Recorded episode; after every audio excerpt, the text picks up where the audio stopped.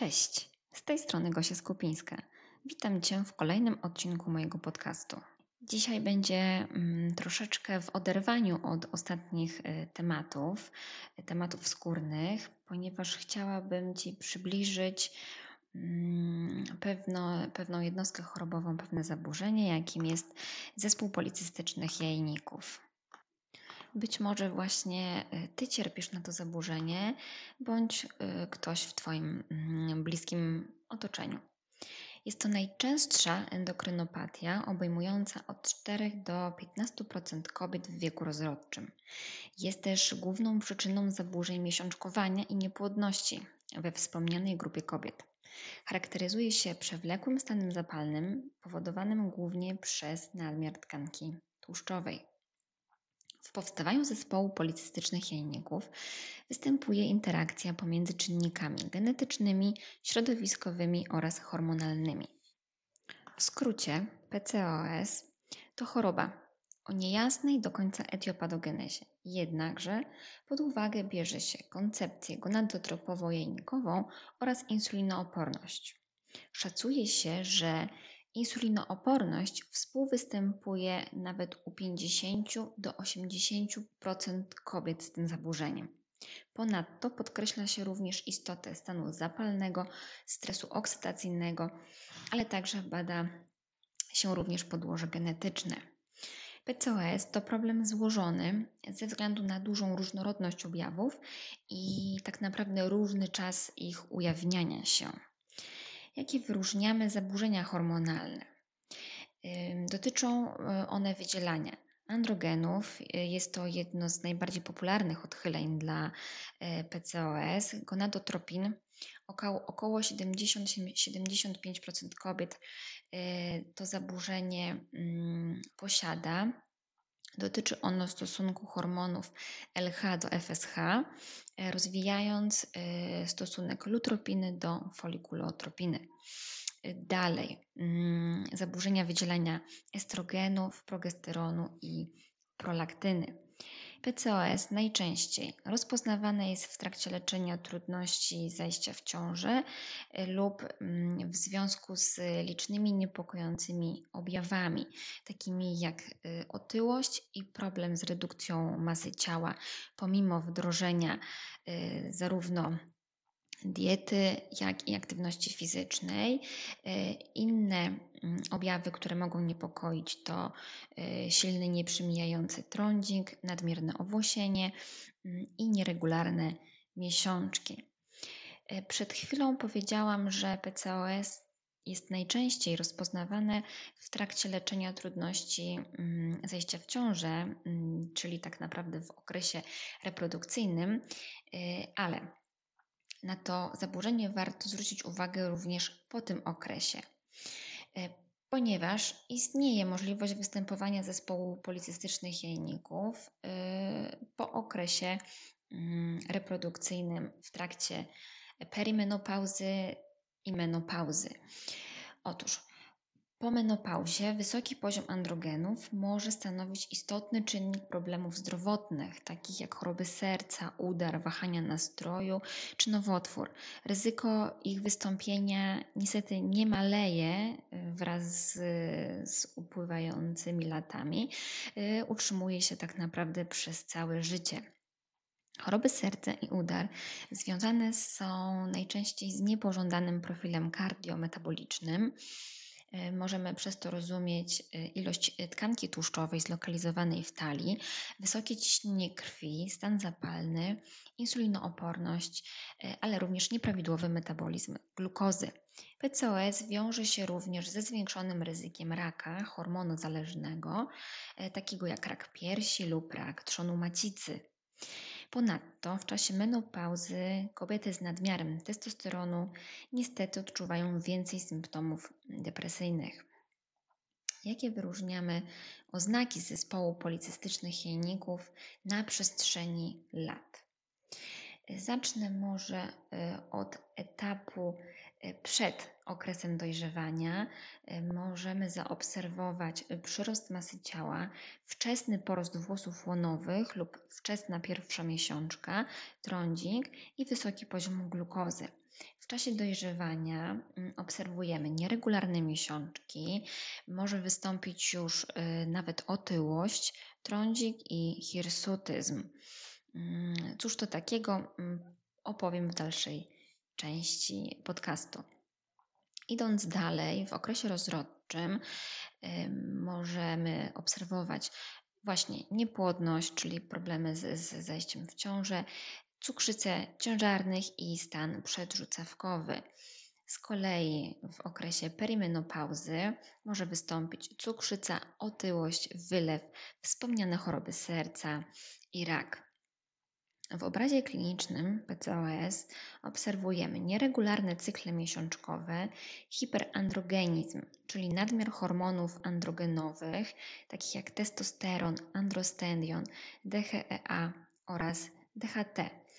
E, prowadzi on do wystąpienia trądziku, łysienia typu męskiego, hirsutyzmu, czyli właśnie nadmiernego owłosienia, szczególnie na brądzie, nad górną wargą, na klatce piersiowej czy plecach i udach oraz ramionach, e, czyli owłosienia e, typowego dla mężczyzn u kobiet, właśnie na skutek zwiększonego poziomu dihydrotestosteronu. Co więcej, możemy zaobserwować w obrazie klinicznym insulinooporność, której często towarzyszy hiperinsulinemia, czyli podwyższony poziom insuliny, przedwczesne dojrzewanie płciowe, dyslipidemia, czyli zaburzenia gospodarki lipidowej oraz otyłość. Szacuje się, że 30 do 60% e, dotyczy typu centralnego, androidalnego, potocznie określanego jako budowa typu jabłko. Tkanka tłuszczowa gromadzi się w rejonie brzucha, co niestety znacznie zwiększa ryzyko zaburzeń metabolicznych. Co istotne, chciałabym zaznaczyć, że nie wszystkie kobiety z nadmiarem androgenów mają zespół policystycznych jajników i nie u wszystkich kobiet z zespołem policystycznych jajników występuje nadmiar androgenów, aczkolwiek jest to bardzo mm, częste. Teraz chciałabym e, powiedzieć kilka słów o manifestacji androgenów e, u kobiet, e, poszczególnych poziomów androgenów, bo tak naprawdę pewien ich poziom jest nam niezbędny. I tak właśnie jest w przypadku testosteronu, który choć uważany jest za hormon wyłącznie męski, to kobiety również potrzebują jego określonej ilości gdyż prawdopodobnie to on właśnie odpowiada za poczucie seksowności i pewności siebie mm, u nas kobiet. Najwyższy poziom występuje około 25 roku życia, po czym sukcesywnie spada. I teraz tak. 50% testosteronu w ciele kobiet pochodzi z przekształcenia dwóch innych androgenów, w skórze i tkance tłuszczowej. 25% pochodzi z nadnerczy i kolejne 25% z jajników. Zatem, im więcej masz tkanki tłuszczowej, tym większe prawdopodobieństwo, że wytwarzasz nadmierne ilości zarówno androgenów, jak i estrogenów. Z kolei nadmiar tych drugich, niestety, ale znacząco utrudnia ci utratę kilogramów wiąże się często z y, stanami depresyjnymi, z depresją, stanami niepokoju i problemami seksualnymi. Kompletnie nie masz ochoty na zbliżenia. I teraz, mm, tak jak wspomniałam, mm, w przypadku poszczególnych poziomów androgenów mamy różne objawy. Gdy y, wszystko jest w normie, żadnych objawów po prostu nie mamy. Ale jeżeli y, dotyczy Cię niski poziom mm, androgenów, y, być może uskarżasz się na zmęczenie, właśnie na słaby popęd płciowy. Jeżeli z kolei masz nieznaczny nadmiar androgenów, być może cierpisz na trądzik, y, nadmierne owłosienie twarzy i na rękach. Jeżeli dotyczy Cię umiarkowany nadmiar tych hormonów, może u Ciebie współwystępować insulinooporność, możesz przybierać na masie ciała, możesz cierpieć na zespół policystycznych jajników, może dotyczyć Cię łysienie androgenowe typu kobiecego. Natomiast jeżeli cierpisz na poważny nadmiar androgenów, y, to prawdopodobnie objawia się to hirsutyzmem i konieczna jest w tym przypadku y, depilacja, y, przerost łechtaczki, obniżenie głosu, jak również łysienie androgenowe.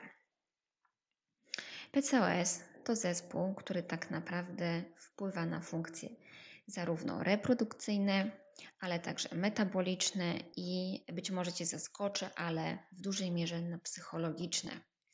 Następstwem PCOS mogą być y, następujące schorzenia. Część już z nich była wymieniona jako mm, obraz kliniczny, y, no i tak naprawdę jedno wynika z drugiego, czyli Następstwem PCOS może być niepłodność, choroby sercowo-naczyniowe, nadciśnienie tętnicze krwi, zaburzenia e, gospodarki lipidowej oraz miażdżyca. E, mamy insulinooporność, może rozwinąć się cukrzyca typu drugiego.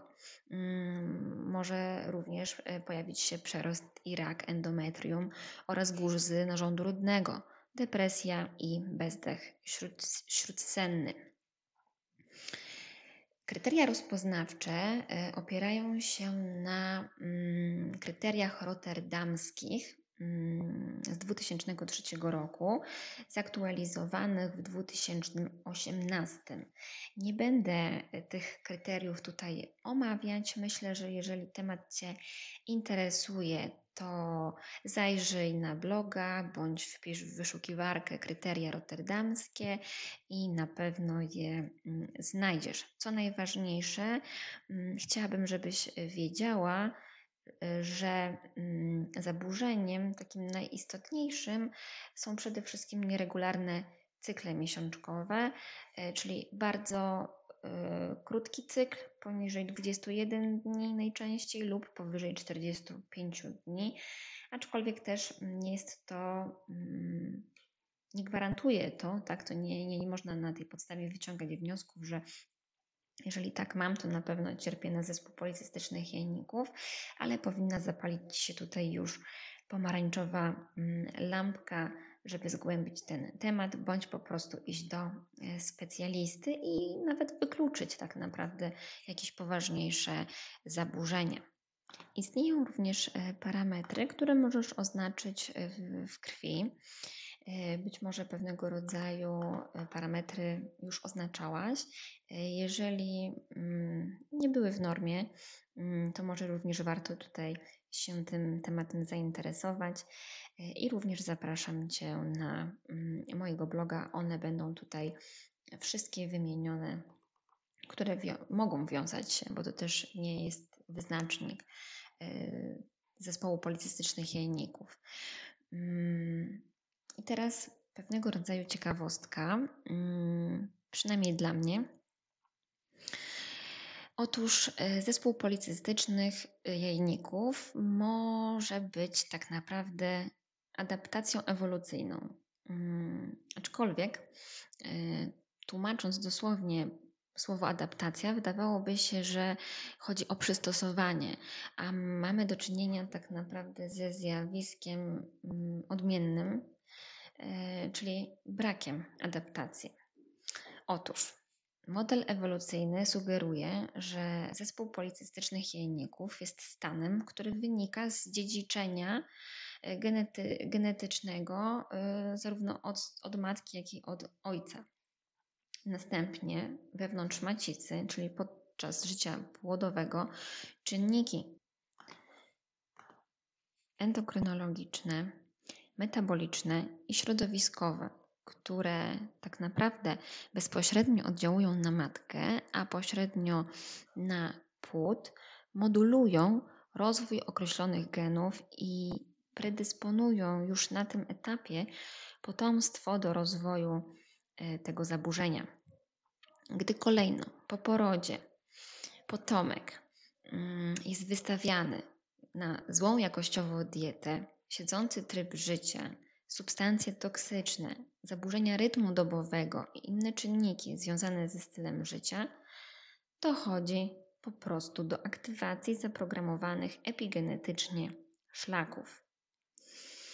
Jak to mm, zawsze było w naturze, wszystkie organizmy fizjologicznie wykształcały reakcje adaptacyjne, aby radzić sobie ze zmieniającymi się warunkami środowiskowymi, takimi jak głód y, czy zagrożenia fizyczne bądź infekcje, oraz z różnymi wymaganiami wewnętrznych stanów fizjologicznych, jakim jest ciąża, laktacja czy okres dojrzewania. I sugeruje się, że zespół policystycznych jajników mógł zostać mm, wywołany w określonych warunkach środowiskowych y, w populacjach przodków jako mm, adaptacyjny mechanizm przetrwania. W związku z tym wychodzi na to, że w przypadku PCOS reakcja kiedyś tak naprawdę dla nas fizjologiczne, reakcje y, kiedyś dla nas fizjologiczne stają się dziś patologiczne e, we współczesnym środowisku ze względu chociażby na takie czynniki jak nieograniczona ilość pożywienia, zmniejszona aktywność fizyczna, zaburzenia rytmu dobowego, permanentny stres i toksyny. PCOS stanowi tak naprawdę niedostosowaną odpowiedź dawnych genetycznych mechanizmów przetrwania na współczesne praktyki związane ze stylem życia. Jakie wyróżniamy czynniki ryzyka? Hmm, skoro przed chwilą przytoczyłam mm, model ewolucyjny, w którym doszukujemy się właśnie adaptacji ewolucyjnej, a tak naprawdę jej braku, y, czyli mamy tutaj wpływ genów. E, istnieje taki dział nauki, jakim jest epigenetyka. Odnosi się ona do dziedzicznych zmian w genomie i ekspresji genów bez żadnych zmian w sekwencji DNA, w kwasie nukleinowym. Zmiany te polegają na dodaniu lub pominięciu składników chemicznych DNA lub histonu. I w przypadku zespołu policystycznych jajników dochodzi do większej ekspresji genów kodujących receptor dla hormonu LH i większej wrażliwości organizmu na ten hormon. Ponadto następuje również zmniejszona przemiana testosteronu do estradiolu. W epigenetyce kluczową rolę tak naprawdę odgrywa środowisko. Ono uaktywnia dane y, działanie genów, ponieważ ty możesz je odziedziczyć, ale one mogą być, określmy to, uśpione i dopiero ty pracujesz y, na, na to, y, żeby one się uaktywniły. Na, na rozwój, na ryzyko rozwoju zespołu policystycznych jajników wpływa Y, insulina, a tak naprawdę jej nadmiar, czyli wspomniana hiperinsulinemia. Stymuluje ona jajniki do wydzielania androgenów, powoduje wzrost poziomu hormonu luteinizującego, trudne słowo, LH, który z kolei indukuje znów produkcję androgenów. Kolejnym mm, mm działaniem insuliny jest pobudzanie nadnerczy, również do zwiększonej produkcji hormonów androgenowych, czyli na drodze trzech szlaków y, insulina przyczynia się do podwyższonego poziomu androgenów. Ponadto obniża poziom wytwarzanego w wątrobie białka wiążącego hormony płciowe, przez co znów przyczynia się do wzrostu poziomu wolnych androgenów w surowicy krwi. Ponadto stymuluje adipogenezę, czyli tworzenie tkanki tłuszczowej, i lipogenezę, gromadzenie tłuszczu oraz hamuje lipolizę, rozpad tkanki tłuszczowej, prowadząc do niczego innego, czyli do akumulacji tłuszczu. Hiperinsulinemia wraz z hiperandrogenizmem hamują wzrost pęcherzyków jajnikowych, w wyniku y, czego cykle stają się y, nieregularne, dochodzi do niepłodności spowodowanej cyklami bezowulacyjnymi i nagromadzeniem się niedojrzałych pęcherzyków. Warto wiedzieć, że wysoki poziom insuliny zmusza organizm do magazynowania tłuszczu i wzmaga uczucie głodu oraz apetytu na węglowodany, czyli tak naprawdę osoba z wysoką insuliną, z hiperinsulinemią jest w takim błędnym kole, niestety, z którego trudno się wyrwać.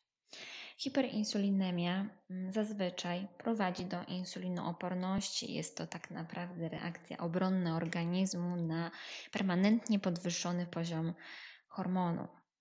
Jest to obniżona wrażliwość tkanek na działanie insuliny.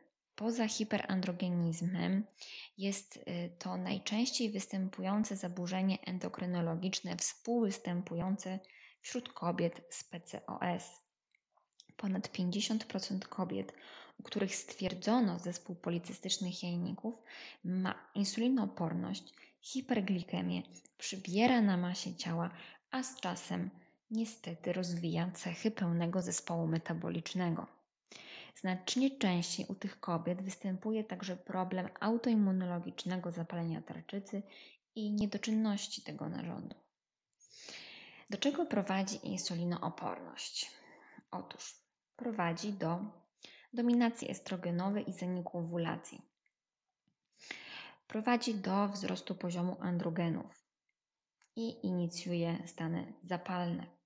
Co istotne, ryzyko wystąpienia insulinooporności nie zawsze wiąże się z nadmierną masą ciała ponieważ kobiety z prawidłową masą ciała również mają tendencję do występowania insulinooporności.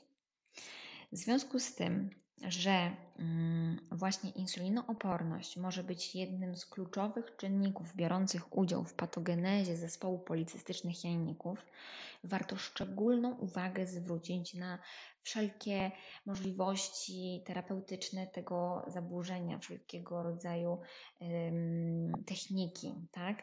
W tym e, przypadku niewątpliwie przydatna może okazać się po prostu modyfikacja stylu życia, gdyż okazuje się, że stanowi ona naprawdę istotny element terapii. Jak myślisz, czy aktywność fizyczna może mieć wpływ na zespół policystycznych jajników? Czy jest sens zawracać sobie głowę ruchem?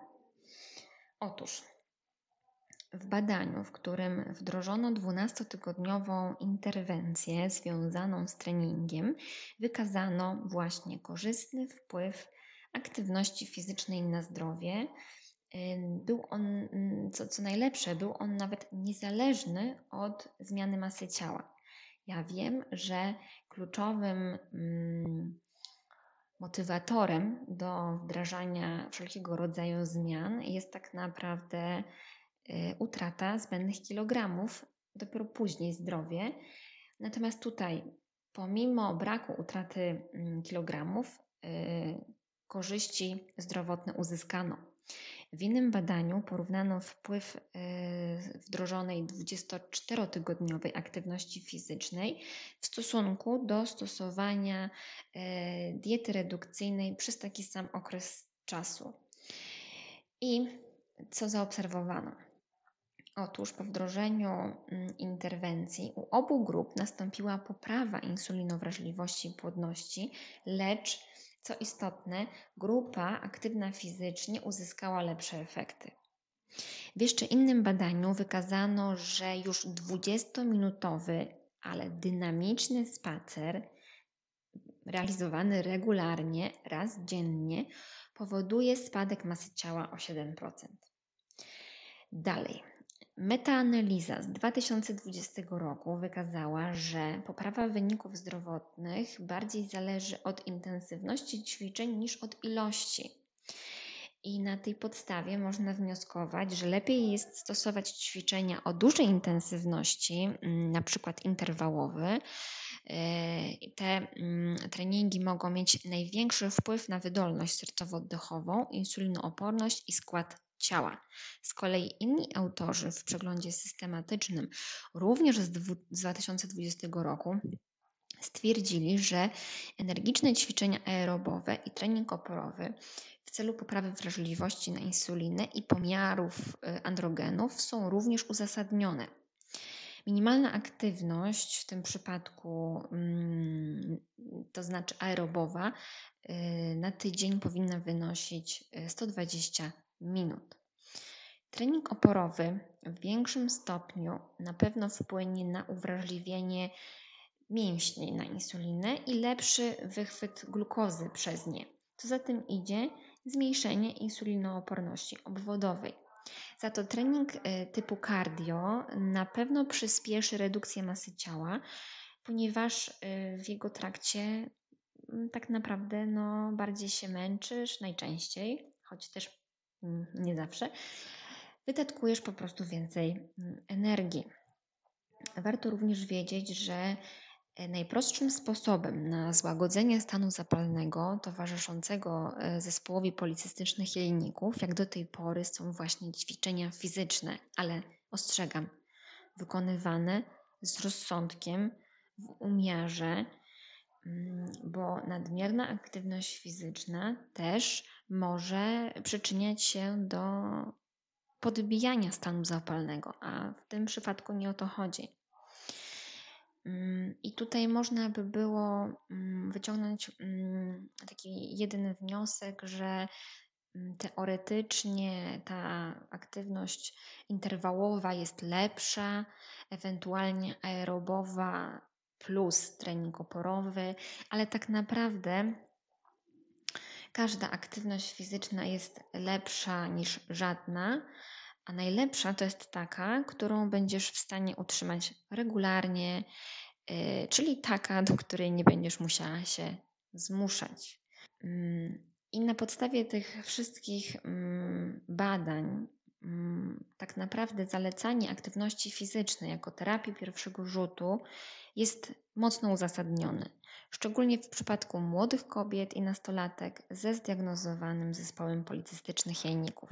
Wprowadzenie aktywności fizycznej tak naprawdę już na wczesnym etapie może przyczynić się do poprawy parametrów metabolicznych, y, np. insulinowrażliwości i płodności, normalizując cykle miesiączkowe i poziom y, hormonów androgenowych. Natomiast sama dieta i utrata masy ciała która jest równie istotna, ale prowadzona bez aktywności fizycznej, może nie przynieść już tak zadowalających rezultatów, szczególnie wśród kobiet z prawidłowym BMI.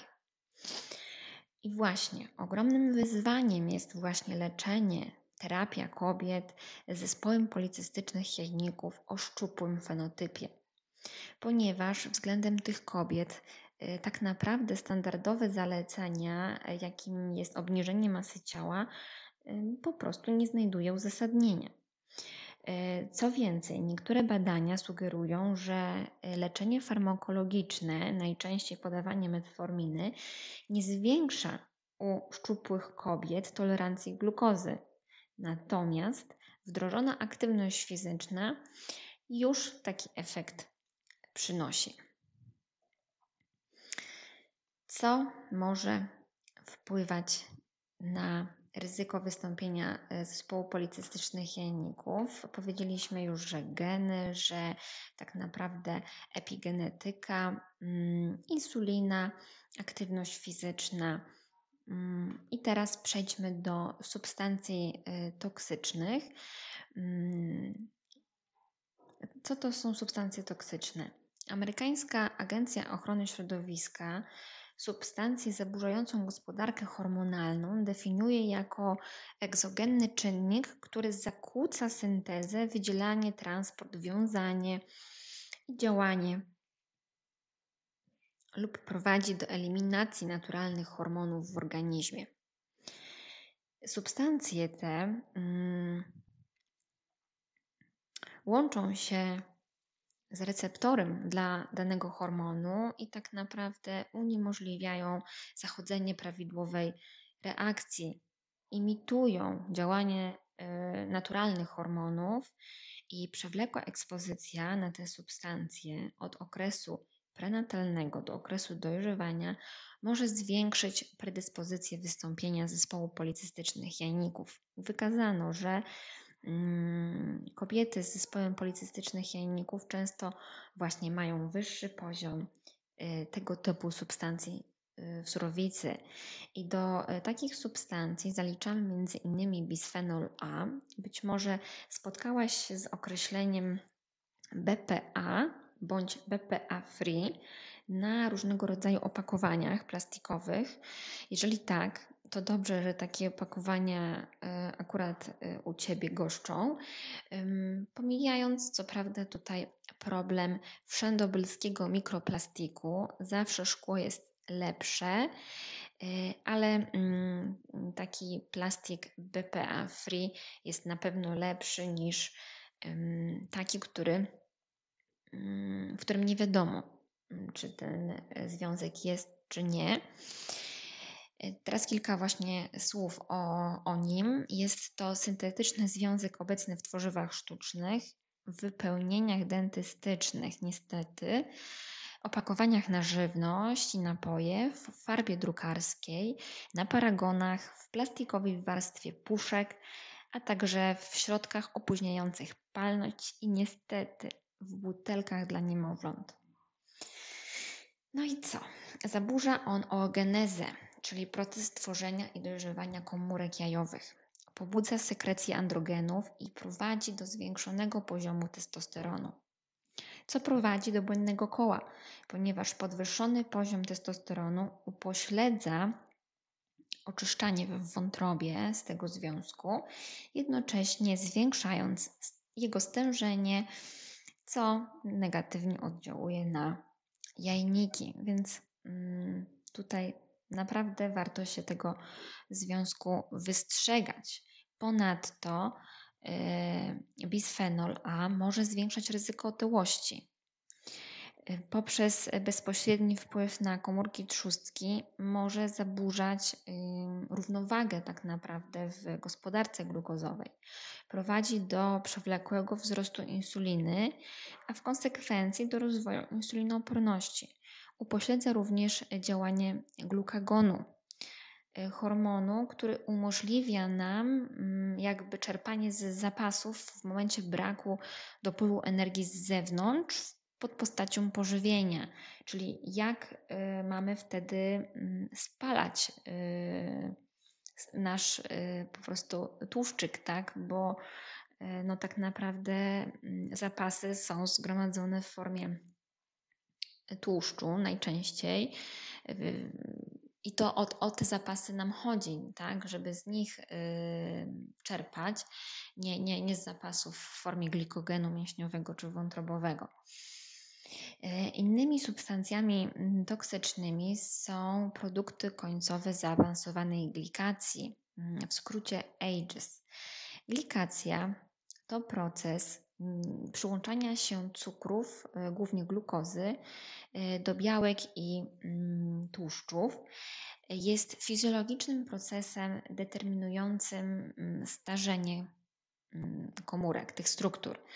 Nasila się właśnie w stanach e, podwyższonej glukozy, przyspieszając wystąpienie powikłań, które najczęściej y, towarzyszą właśnie cukrzycy y, i typu drugiego, i typu e, pierwszego. Osłabia strukturę jednego z najważniejszych białek w organizmie kolagenu. Myślę, że to dla nas, kobiet, jest bardzo mm, ważne białko. Zwane są glikotoksynami. Mają charakter prozapalny, stymulują stres oksydacyjny. Niestety, ale oddziałują również bezpośrednio na e, pęcherzyki jajnikowe, przerywają ich wzrost, a następnie je uszkadzają. Te produkty końcowe zaawansowanej glikacji mogą pochodzić z zewnątrz w wyniku mocnej, takiej intensywnej, termicznej obróbki pożywienia, szczególnie w wysokich temperaturach. mm, lub z glikacji i utleniania endogennych białek oraz mm, tłuszczów. AGES odgrywają rolę w rozwoju insulinooporności, bowiem mm, zaburzają wychwyt i transport glukozy, a także zmniejszają wrażliwość na insulinę. Stymulują również tworzenie tkanki tłuszczowej i przyrost masy ciała. Natomiast e, wyższy wskaźnik masy ciała prowadzi do większego poziomu AGES, między innymi właśnie w jajnikach. W jaki sposób mm, przebiega leczenie tego zaburzenia?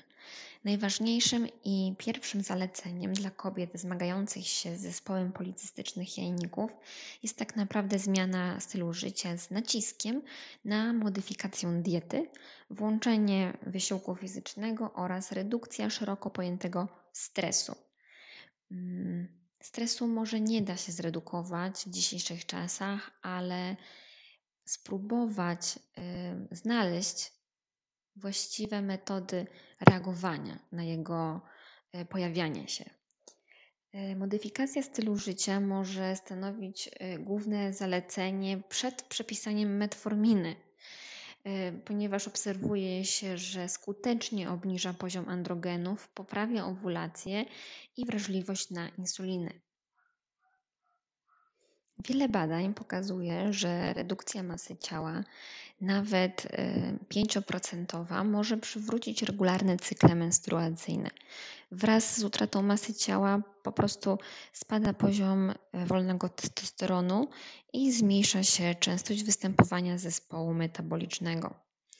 Kolejnym krokiem może być leczenie farmakologiczne nie będę tutaj tego tematu rozwijać. Najczęściej jest ukierunkowane na mm, preparaty zwiększające wrażliwość na insulinę. Y, czasem wprowadza się również lęki anty, antykoncepcyjne w celu hamowania hiperandrogenizmu i zapobieganiu przerostowi i rakowi endometrium. Y, stosuje się również gestageny, różnego rodzaju suplementy diety, szczególnie inozytol, witaminy D3, kwas alfa-liponowy, resveratrol, koenzym Q10, kwasy omega-3, N-acetylo-L-cysteiny i berberyny. E, bywa, że mm, konieczne jest leczenie operacyjne, e, jakim jest laparoskopowe nakłuwanie jajników, jednakże metoda ta zarezerwowana jest dla pacjentek z ciążami mnogimi lub niereagującymi na inne metody leczenia. Terapia w zespole policystycznych jajników zależy od e, fenotypu pacjentki i współwystępujących objawów klinicznych. I w przypadku e, na przykład mm, szczupłej kobiety z miernie nasilonymi objawami hiperandrogenizmu i regularnymi miesiączkami, tak naprawdę nie ma mm, poza prawdopodobnie modyfikacją stylu życia, y, żadnych zaleceń, jeżeli chodzi o wprowadzanie e, farmakologii, czy to, czy to w kontekście leczenia hormonalnego, czy antyandrogennego. Jedynie zaleca się mechaniczne usuwanie nadmiernego owłosienia. Natomiast jeżeli mamy mm, do czynienia z e, pacjentką otyłą, z nasilonymi cechami hiperandrogenizmu, e, zaleca się E, redukcję masy ciała, mm, wprowadza się metforminę przy hiperinsulinemii, antykoncepcję, antyandrogeny i zaleca się również mechaniczne usuwanie y, nadmiernego owłosienia y, oraz dermatologiczne leczenie trądziku. E, istnieją jeszcze dwa inne fenotypy. Y, otyła pacjentka z miernie nasilonymi objawami i szczupła pacjentka Mm, z nasilonymi. Mm, jeżeli Cię to interesuje, to zachęcam blog, do wejścia na bloga. Tutaj wszystko jest opisane. Ja chciałabym przejść do stylu życia, mm, jaki ma wpływ. Może zacznę od wpływu rytmu okołodobowego na to zaburzenie. W przemysłowym świecie 20% mm, ludzi pracuje nienormalnie. Mm, to znaczy na przykład w systemie zmianowym lub tylko w nocy. To wprowadza ich w tak zwany nienormalny cykl światło, ciemność, dzień, noc. Ponadto światło o niskiej intensywności może osłabiać wydzielanie melatoniny. Oznacza to, że bardzo powszechne e, źródła światła, takie jak światło LED, e, telefony komórkowe, komputery, hamują jej wieczorne wydzielanie. E, czyli tak naprawdę dochodzi do braku równowagi między czasem światła naturalnego, a czasem, nazwijmy to, społecznym. Nawet jeżeli nie pracujesz w trybie e, zmianowym, nocnym, to również mm, poprzez wystawianie się na działanie mm, tego e, światła o niskiej intensywności robisz sobie mm, kuku. Opóźnione wydzielanie melatoniny może prowadzić do szeregu zaburzeń i problemów zdrowotnych. Niestety wydaje się, że współcześnie nie jesteśmy w stanie uniknąć światła w, po zmierzchu, w szczególności zimą, mm, ale wciąż masz e, wpływ na jego ilość i warto o to mm, zadbać. Co ważne, wyniki badań sugerują, że kobiety z zespołem policystycznych e, jajników mają niższe stężenie melatoniny w jajnikach. W związku z tym zespół policystycznych jajników jest zaburzeniem związanym z nieprawidłowym rytmem okołodobowym. Rytm dobowy, zwany zegarem biologicznym, to zjawisko o cyklu trwającym około 24 godziny. Zegar ten przekształca cykl jasno-ciemny, dzień-noc w środowisku na sygnały wewnątrz organizmu. U ssaków ośrodkiem regulacyjnym rytm dobowy jest jądro nadskrzyżowaniowe zlokalizowane w podwzgórzu. Odbiera ono sygnały poprzez siatkówkę w oku, e, sygnały świetlne i synchronizuje mm, tak jakby pracę, rytm pracy otaczających tkanek i narządów. Funkcja rozrodu kobiet zależy od synchronizacji sygnału zegara biologicznego oś podwzgórze przysadka jajnik, gdy stymulacja y, powiedzmy podwzgórza, tego jądra nadskrzyżowaniowego nie jest synchronizowana z zegarem dobowym jajników, zaburza to ich naturalne funkcjonowanie. Na przykład praca zmianowa i częste przebywanie w różnych strefach czasowych mogą prowadzić do zaburzeń rytmu dobowego, a w konsekwencji do zaburzeń miesiączkowania i niepożądanego przebiegu ciąży. Tak jak już nawiązywałam do melatoniny, do zaburzeń jej wydzielania, e, z tym może, mogą wiązać się zaburzenia snu, mm, właśnie na skutek opóźnionego Mm, wytwarzania tego hormonu, ale również w wyniku podwyższonego poziomu testosteronu i gorszej wrażliwości na insulinę. Melatonina mm, to hormon wytwarzany głównie przez szyszynkę. Jest właśnie kluczowym mediatorem mm, jądra nadskrzyżowaniowego w regulacji rytmu dobowego narządów. E, hamuje aktywność y, jądra nadskrzyżowaniowego, co umożliwia zaśnięcie. E, odwrotnie jest w dzień, mm, gdy światło aktywuje mm, centrale jądro nadskrzyżowaniowe, a proces wydzielania melatoniny jest wtedy hamowany. Hormon ten reguluje układ rozrodczy w sposób ośrodkowy i obwodowy. Może wpływać na dojrzałość płciową i funkcje rozrodcze, jak również bezpośrednio oddziaływać na jajniki. E, prawdopodobnie działa jako zmiatacz wolnych rodników, zmniejszając stres oksydacyjny w jajnikach. E, w związku z tym może tak naprawdę wspierać rozwój pęcherzyków jajnikowych. E, melatonina ułatwia naturalne zajście w ciążę, prawdopodobnie obniża poziom androgenów, zwiększa poziom hormonu folikulotropowego i reguluje cykl menstruacyjny. E, promuje dojrzewanie mm, komórek jajowych i zarodków. Kolejnym czynnikiem, który mm, zwiększa ryzyko wystąpienia zespołu policystycznych jajników, e, a na pewno nie pomaga, mm, zaostrza e, objawy przebiegu tego zaburzenia, to stres emocjonalny przede wszystkim. Mm, I tutaj też mamy do czynienia trochę jakby mm, z błędnym kołem, ponieważ y, już występujący zaburzenie zespół policystycznych jajników ma najczęściej niekorzystny wpływ na samoocenę i zdrowie psychiczne kobiet.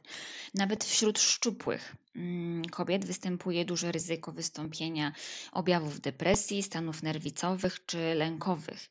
Y, kobiety często są y, po prostu niezadowolone ze swojego ciała, mm, ale jednocześnie duszą w sobie złość, nie, nie pozwalają ujść emocjom, y, a także odczuwają mniejszą satysfakcję z życia seksualnego. E, czyli się, krótko mówiąc, stresują. sama choroba e, wywołuje stres. Natomiast z kolei stres e, zwiększa wydzielanie mm, kortyzolu. Hormon ten mm, podnosi poziom glukozy we krwi. Niejednokrotnie słyszy się, że kortyzol jest e, hormonem stresu, hormonem walki i e, ucieczki e, i ma taką mm, negatywną etykietę. Nie, nie można tak stwierdzać.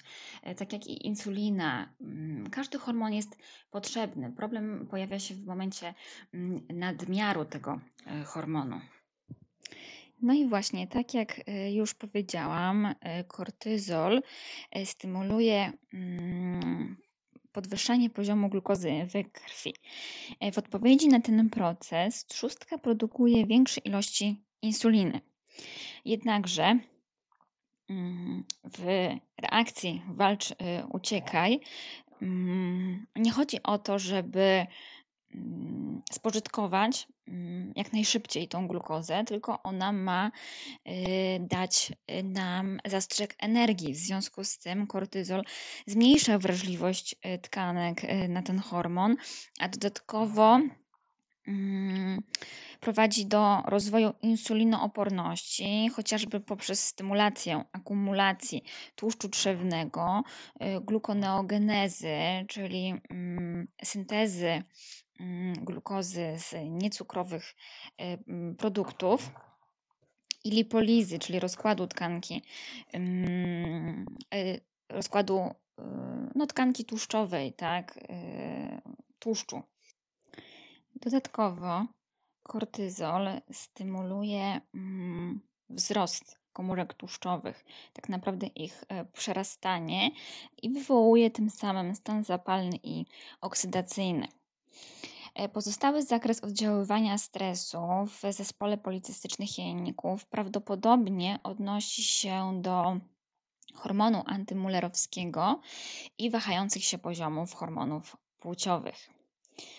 Mm, kolejny czynnik, który tak naprawdę mm, no, nie jest czynnikiem ryzyka, e, ponieważ jego e, wprowadzenie może Ci w istotny, w istotny sposób pomóc. E, mianowicie mam tutaj na myśli mm, regularne uprawianie jogi gdyż wykazano, że w przypadku zespołu policystycznych jajników to właśnie yoga skuteczniej redukuje insulinooporność w stosunku do innych rodzajów ćwiczeń i reguluje poziomy mm, pozostałych hormonów. Być może mm, na skutek tak naprawdę jej relaksacyjnego wpływu na organizm, bo tak jak już wcześniej wspominałam, każda aktywność fizyczna jest lepsza niż y, żadna.